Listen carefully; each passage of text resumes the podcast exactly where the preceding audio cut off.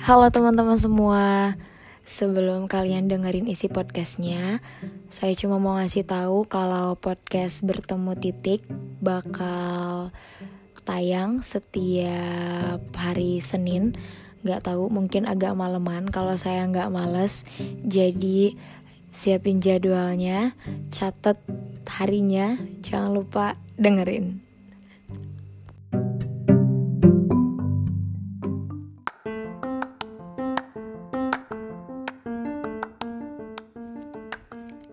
Ini saya tulis di tengah pekerjaan yang sedang gak bisa diajak kompromi sama sekali. Terdengar seperti alasan, tapi apa boleh buat karena memang begitu adanya. Dan dengan berat hati, saya harus mengakui bahwa bikin podcast ini semacam tugas dan kewajiban yang kalau tidak saya penuhi, isi kepala saya bisa pecah karena terlalu banyak menyimpan sesuatu. Saya memang terbiasa menyimpan apa pun sendirian. Hmm, sebelum mengenal sosok yang selalu saya kenali suaranya.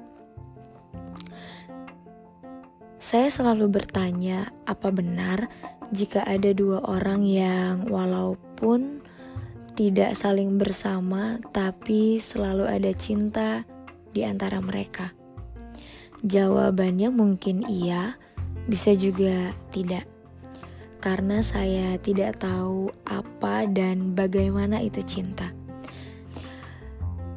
Saya belum tahu jawabannya sebelum saya akhirnya bertemu seorang teman yang selalu jadi seseorang yang saya bicarakan dan diskusikan dengan diri saya sendiri.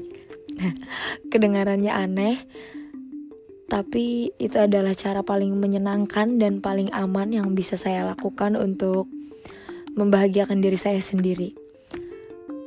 Mungkin, um, mungkin ya, mungkin dia nggak pernah tahu kalau dia selalu jadi topik utama yang selalu saya bahas di otak saya.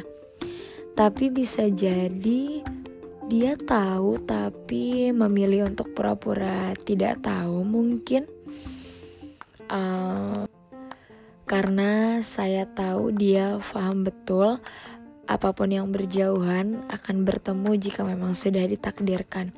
Saya tahu betul dia percaya bahwa waktu akan bekerja dengan sempurna gak pernah habis topik sih, gak ada celah sama sekali.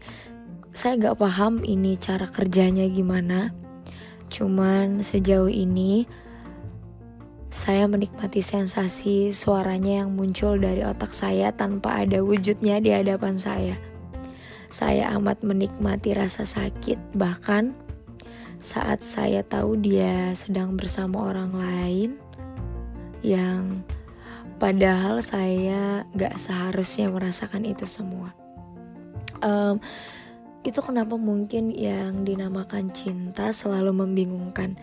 Jauh sebelum ada kata cinta, sepertinya kita semua sudah merasakan bagaimana rasanya berkorban dan menahan apa pun jenis kesakitan yang kita dapatkan dari seseorang yang kita sayang, bukan?